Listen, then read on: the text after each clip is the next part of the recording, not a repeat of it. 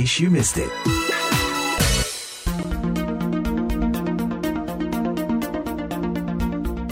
VOA This Morning, saya Karlina Amkas. In case you missed it, tragedi Kanjuruhan adalah bencana yang kerap menyertai pertandingan olahraga. Untuk Indonesia, sepak bola hampir identik dengan bencana. Ini sangat disayangkan, kata Dipo Alam, mantan pemain sepak bola Indonesia yang kini bermukim di Amerika. Sedangkan Muhammad Kusnaini alias Bungkus, pengamat sepak bola dan pengasuh siaran sepak bola di televisi, mengingatkan perlunya safety officer. Keduanya sepakat bahwa ada yang bisa dilakukan negara, penyelenggara, dan penonton guna mencegah bencana serupa pada masa depan. Dipo. Hooliganisme ini kan bukan sesuatu yang baru. Kekerasan dalam acara olahraga, terutama sepak bola, dan terutama lagi di Indonesia, itu satu kesatuan gitu ya.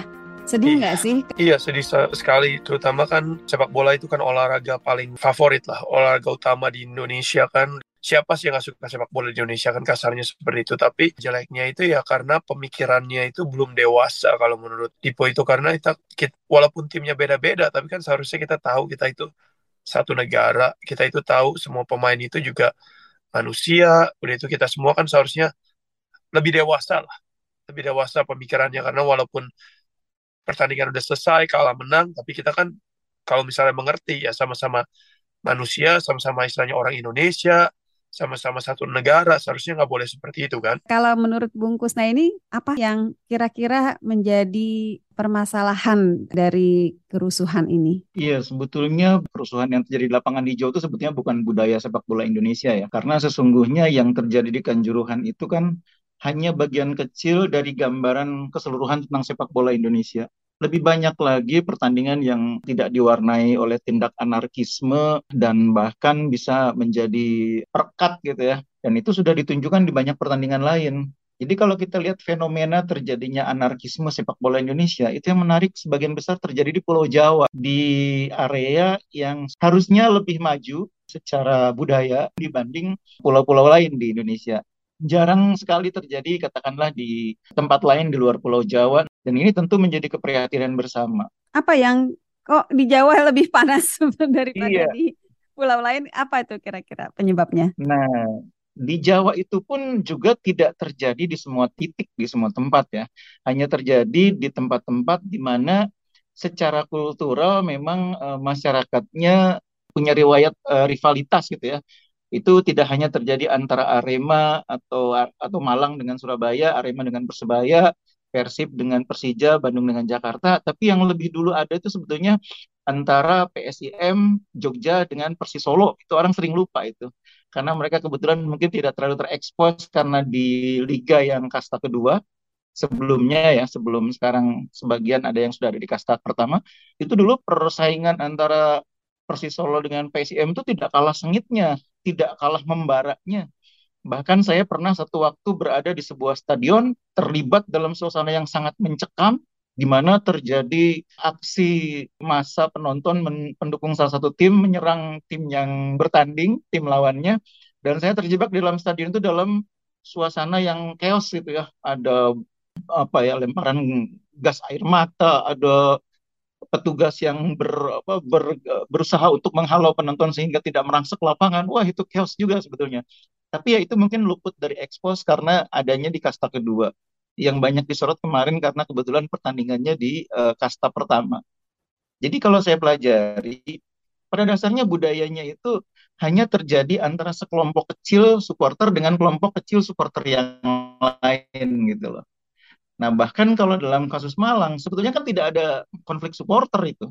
Yang terjadi adalah ketidakmampuan panitia pelaksana pertandingan mengelola pertandingan dengan proper gitu ya. Itu aja problemnya. Jadi tidak ada gesekan atau benturan antar supporter. Ketidakmampuan aja di situ mengelola pertandingan. Supporter dari Persebaya tidak boleh hadir ya, Bungkus ya? Tidak ada bahkan yang hadir. Situasi kemarin apakah korban dari pihak Persebaya atau semua adalah supporter Arema? Semuanya supporter Arema, sebagian besar lah. Saya saya nggak tahu persis karena kan kita tidak bisa mengidentifikasi, tapi dipastikan Persebaya itu tidak mengirimkan pendukungnya ke sana, tidak ada yang berangkat ke sana. Jadi memang yang ter terjadi kemarin sebetulnya bukan soal gesekan antar supporter, tapi ketidakmampuan panitia mengelola pertandingan, memenuhi syarat-syarat pelaksanaan pertandingan yang profesional, sehingga akhirnya terjadilah musibah itu. Saya menyebutnya musibah itu karena uh, sebelumnya juga pernah terjadi sebetulnya pelaksanaan pertandingan Arema dengan suasana yang kurang lebih uh, meriahnya sama, kapasitasnya sama, tapi tidak terjadi insiden seperti kemarin. Kemarin justru terjadi. Jadi uh, balik lagi, ini memang persoalannya tidak sesederhana soal fanatisme, soal apa kebrutalan supporter bukan bukan soal itu. Banyak soal di dalamnya. Ada juga soal mungkin kesiapan petugas pelaksana pertandingan yang masih harus dibenahi, ketidaksiapan mereka, lalu fasilitas sarana dan prasarana pendukung di stadion yang menurut saya harus dikaji ulang. Karena yang dimaksud dengan uh, stadion layak dalam versinya operator kompetisi di Indonesia itu mungkin dari kasus Kanjuruhan kemarin menjadi perdebatan kembali. Soal pintu masuk dan keluar penonton, soal single seat, exit strategi kalau terjadi situasi di mana chaos itu semua kan harus betul-betul dicermati oleh pihak operator kompetisi ketika menyatakan sebuah stadion layak menggelar pertandingan Liga 1. Ya, kemarin katanya hasil kajian sementara pintu keluar masuknya itu terlalu kecil ya, hanya keluar masuk untuk dua orang yang bersamaan betul, jadinya. Betul. Jadi kalau standar pertandingan yang direkomendasikan oleh FIFA dan AFC kan harus siap sebuah stadion itu menghadapi situasi chaos. Entah itu kerusuhan di lapangan, gempa bumi, kebakaran, atau musibah lain yang tidak mustahil terjadi di dalam stadion. Itu dalam situasi, situasi seperti itu, itu penonton berapapun kapasitasnya itu harus bisa keluar dari stadion dalam waktu setengah jam, paling lambat satu jam. Nah kalau pintunya kurang hanya bisa dilewati dua orang, bagaimana bisa itu keluar dalam waktu setengah jam atau satu jam orang yang jumlahnya 40 ribu itu sementara pintunya pun tidak semuanya terbuka rupanya. Jadi ini memang uh, eh, PR-PR yang kemudian muncul yang selama ini dibiarkan atau tidak diperhatikan padahal ini sebetulnya harusnya sudah terselesaikan ketika kompetisi berjalan. Bagaimana dengan overacting petugas? Ya, ini juga menjadi bagian yang menurut saya perlu ditelusuri nanti oleh tim gabungan pencari fakta. Apakah momentum petugas ketika memutuskan atau membuat judgement bahwa situasi sudah tidak bisa dikendalikan dan harus menggunakan gas air mata itu tepat. Itu yang pertama. Yang kedua, apakah petugas paham regulasi tentang penggunaan gas air mata dalam konteks olahraga, khususnya sepak bola? Yang ketiga, apakah ada komunikasi antara penyelenggara pertandingan, operator kompetisi termasuk di dalamnya, panitia pelaksana di lapangan, dengan pihak keamanan tentang standar security sistemnya pertandingan olahraga atau khususnya sepak bola. Kan itu hal yang berbeda, menangani penonton di stadion berbeda dengan menangani masa di lapangan, katakanlah di, pada saat mereka demo di Monas atau di DPR. Kan prosedurnya berbeda. FIFA bahkan iya. secara khusus melarang penggunaan atau membawa membawa itu aja dilarang. Jadi memang prosedurnya kan sudah ditetapkan oleh FIFA. Jadi ketika petugas keamanan masuk ke stadion harusnya sudah dipastikan mereka paham. Ini saya pikir hal-hal yang harus diungkap oleh tim gabungan pencari fakta karena hal ini saya pikir penting untuk ketertiban prosedur tetap pelaksanaan pertandingan di masa mendatang. Musibah kemarin itu menurut saya ya ini harus jadi pelajaran yang sangat mahal. Harusnya sih tidak terjadi ya jangan sampai kita perlu musibah dulu untuk paham gitu loh. Harusnya sebelum musibah pun kita harus sudah paham, prosedurnya sudah ada, protapnya sudah ada, kok nggak diikuti. Dipo sudah pernah bermain dengan tim sepak bola di Amerika ini. Apa yang menurut Dipo perlu dipelajari oleh Indonesia supaya tidak terjadi seperti itu? Semua yang bungkus baru kasih tahu kita ini luar biasa loh. Dipo juga pikir lagi benar juga karena kan kalau lihat-lihat lagi kita selalu pikir antara supporter kan Arema dengan Persebaya tapi bukan itu kejadiannya kan. Kejadian ini lebih kayak yang bungkus baru kasih tahu kita itu antara kesiapan penyelenggaraan. Benar juga sih karena kesiapan penyelenggaraan itu penting sekali. Nah di Amerika ini itu dia karena kita kan standarnya itu yang kayak bungkus bilang itu udah bener-bener on time gitu. Kadang kita pun pertandingan kalau misalnya lihat udara itu udah nggak bener kalau misalnya lihat dia ada lightning ada halilintar atau apa itu pertandingan antara bisa ditunda sampai 30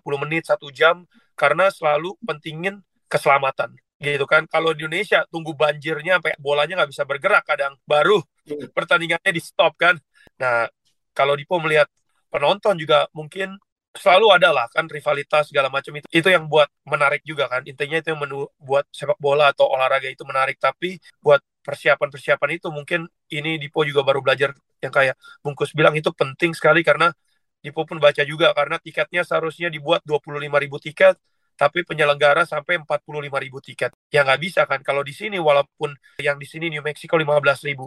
Oke, okay, walaupun tiketnya itu dijual sampai 13 ribu, dia nggak boleh lebih sampai full capacity.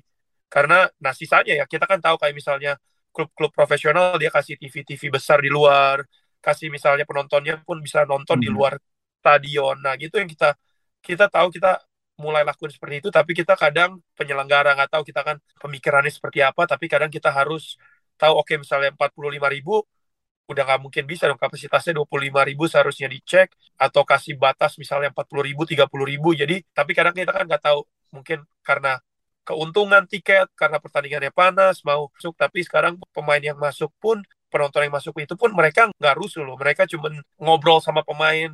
Seharusnya pun nggak hmm. boleh tapi tetap aja security. Mungkin kalau menurut Ipo saat itu pun kayak overreacted juga. Mungkin takut takut gimana atau apa tapi miscommunication antara penyelenggara sama sama panitia itu sama security itu mungkin sama itu yang paling besar sih benar. Tapi kalau di sini semuanya lebih persiapan sih. Tapi Dipo saya juga melihat penonton di sini mungkin juga lebih dewasa. Artinya mereka lebih bisa menahan emosi. Walaupun sepanas apa pun, sekesal apa pun timnya kalah gitu ya, tapi dia tidak mau meluapkan emosinya secara kasar gitu. Enggak sih sebenarnya kalau di Amerika itu dia emang nggak benar-benar langsung datang pukul pemain atau apa enggak gitu kan. Tapi kalau menurut Dipo di sini maki-makinya itu lebih gila lagi karena ada freedom of speech kan. kalau di Indonesia hmm. kayak kemarin Dipo lihat video Arthur Irawan gitu bisa langsung samperin ngobrol ke pema apa maki-maki penonton di sini nggak boleh kayak gitu kan kayak Cristiano Ronaldo yang kemarin itu ambil handphonenya ambil handphone uh, sport, apa supporter itu dibuang kena hukum kan dia di sini yeah. karena ada freedom of speech itu malah menurut Dipo penonton itu dia ngeluarin kata-kata itu lebih lebih jahat ditranslate dari Inggris ke Indonesia itu kata-kata kasar semua. Ya tapi buat dia harus keluar atau misalnya tindakan kekerasan nah itu menurut Dipo di sini mereka berpikir lebih jauh. Karena kalau di sini tindakan kekerasan itu udah nggak main-main kan. Penjara itu benar-benar penjara. Dia nggak peduli siapa aja kalau kamu berantem atau tindakan kerasan udah masuk penjaranya udah beda-beda. Mereka ada pemikiran itu oh kalau masuk penjara di sini kan rekornya itu udah nggak bagus nggak bisa cari kerjaan seumur hidup lah bakal tahu kamu itu masuk penjara susah sekali di sini buat berkembang hidupnya nah jadi pemikirannya itu lebih dewasa lebih educational part iya karena kan di sekolah diajarin juga tapi mereka tahu konsekuensinya jadi mereka nggak bertindak seenaknya karena ada konsekuensi yang udah dicantumin, ditanam selamanya gitu loh. Nah kalau kita di Indonesia itu kan menurut Dipo, kadang kita ini konsekuensinya ini yang diajarinnya ini nggak ada garis hitam putihnya gitu loh. Kadang ada gray area kan, masuk penjara, ah, tahu-tahu bisa keluar lagi gampang gitu kan. Karena konsekuensinya ini kita nggak benar-benar dipaksain dari masalah aturan-aturan itu kalau kita tahu dari awal. Nah mereka pemikirannya itu juga lebih dewasa, lebih lebih bertumbuh karena oh gue besok harus pergi kerja nih. Kalau gue berantem masuk penjara nggak bisa kerja nggak bisa kerja dipecat. Dipecat siapa yang kasih makan keluarga? Nah kalau di sini itu pemikirannya seperti itu jadi mereka fanatisnya itu uh, berantem keluarin kata-kata itu ada tapi nggak nggak benar-benar sampai harus rusuh atau apa karena ada pemikiran budaya yang dari kecil udah ditanamin seperti itu kan at the end of the day kan mereka pikir oh this is just just a game just sports next week ada game lagi, next week ada game lagi, masih ada lagi musim berikutnya. Mereka pemikirannya seperti itu. Nah, kalau di Indonesia bungkus supaya tidak sampai terjadi lagi seperti ini, apa yang bisa dilakukan? Setidaknya untuk penonton lah. Ini ini banyak sebetulnya, tidak tidak hal tunggal yang harus dilakukan ya, tapi banyak hal. Yang pertama dari sisi uh, apa pengelolaan pertandingan itu betul-betul kita membutuhkan uh, manajemen pengelolaan pertandingan yang lebih serius ya. Artinya salah satu contoh lebih serius adalah dalam setiap pertandingan itu harus harus ada yang namanya petugas yang bertanggung jawab terhadap keamanan dan kenyamanan semua yang terlibat dalam pertandingan. Pemain, pelatih, ofisial, perangkat pertandingan, penonton, uh, sponsor dan sebagainya kan semua bagian dari pertandingan. Itu harus dipastikan mereka tuh aman dan nyaman. Makanya di dalam dalam struktur kepanitiaan ada yang namanya safety officer Nah, safety officer ini harus bersertifikat, harus mendapatkan pelatihan. Apa yang harus dilakukan? Situasi apa yang membuat dia harus berkomunikasi dengan kepolisian untuk membuat tindakan? Jadi dalam kasus Kanjuruhan kemarin itu sebetulnya penanggung jawabnya safety officer itu.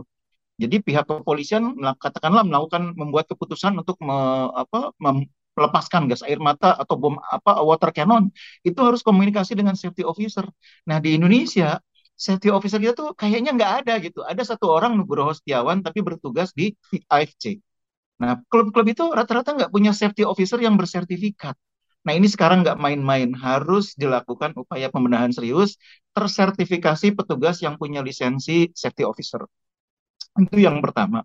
Yang kedua, dari sisi yang lain juga harus serius kita melakukan apa yang namanya uh, literasi, ya. literasi terhadap supporter. Untuk apa sih mereka itu jadi supporter? Untuk apa gitu loh? Kalau jadi supporter hanya untuk uh, meluapkan katakanlah emosi atau persoalan pribadi dengan cara menonton pertandingan, ya itu akan menjadi hal yang sia-sia gitu loh. Yang akan yang ujung-ujungnya hanya akan merepotkan klub jadi penonton harus dididik uh, melalui literasi bahwa mereka itu ketika menjadi supporter adalah bagian yang memperkuat memperkuat klub itu, memberikan dukungan pada saat menang maupun pada saat kalah, memberikan dukungan supaya lawan ketika di pertandingan home uh, di kandang lawan merasa tidak nyaman mainnya. Kan itu fokus ke timnya sendiri, bukan fokus ke tim lawan. Nah, ini yang sering terbalik supporter tidak fokus ke timnya sendiri, malah sibuk mengintimidasi tim lawan, malah sibuk yel-yel yang menyerang tim lawan, sehingga akhirnya lupa mendukung timnya sendiri. Dan dia lupa ketika dia melakukan tindakan anarkis, yang rugi klubnya sendiri. Pada akhirnya klubnya dihukum. Kayak Arema sekarang, dihukum satu musim nggak boleh menggelar pertandingan kandang. Yang rugi siapa? Penontonnya nggak bisa nonton lagi di kandang, klubnya juga nggak bisa dapat masukan dari pertandingan kandang rugi ke akhirnya. Nah ini literasi seperti inilah yang selama ini kurang dilakukan, dibiarkan, dan ini bukan hanya tugas klub, tugas federasi juga, bahkan lebih jauh lagi tugas negara ini tugas negara keseluruhan. Bagaimana di, di level pendidikan ditanamkan kesadaran bahwa kalau kita mencintai sesuatu kita harus bertanggung jawab dan sedapat mungkin tidak merugikan tim yang kita cintai. Contoh kecilnya seperti itu. Nah, kemudian yang paling akhir, law enforcement. Itu yang dikatakan Dipo tadi. Di kita, kalau supporter ini berbuat kericuhan, kadang-kadang persoalannya itu selesai hanya dalam satu dua hari. Dikumpulin oh, yang bikin kerusuhan itu, dikumpulin, dijemur, di apa, terus lepas begitu aja. Nggak ada tindakan hukuman yang serius, sehingga akhirnya tidak menimbulkan efek jerah. Yang pernah dilakukan tindakan serius itu ketika terjadi peristiwa yang menyebabkan korban jiwa. Padahal jangankan korban jiwa, hanya pintu roboh pun itu harusnya menjadi tindakan yang harus ditindaklanjuti serius. Di Indonesia udah berapa kali terjadi pagar stadion roboh, pintu roboh, jendela pecah, tapi ujung-ujungnya cuma push up aja. Dan ini nggak mendidik, itu yang membuat supporter itu berulang-ulang melakukan hal yang sama, melakukan pelanggaran yang sama, menciptakan kericuhan yang sama. Dan orangnya boleh jadi mungkin itu lagi, itu lagi. Dia lagi, dia lagi kalau kata orang Indonesia gitu ya. Nah, ini yang saya pikir harus dilakukan tiga hal serius itu tadi ya. Dari sisi uh, apa dari sisi pelaksanaan pertandingan kita butuh safety officer yang sungguh-sungguh yang tersertifikasi. Kita harus melakukan literasi yang lebih serius, membangun uh, pemahaman yang tepat di kalangan supporter untuk apa dia menjadi supporter dan yang paling akhir yang sangat penting menurut saya law enforcement law enforcement itu dalam banyak bidang kurang atau tidak dilakukan ya. Iya. Bung Kusna ini terima kasih uh, Dipo Alam juga terima iya. kasih atas kesediaannya berbincang-bincang dengan VOA Washington. The Voice of America.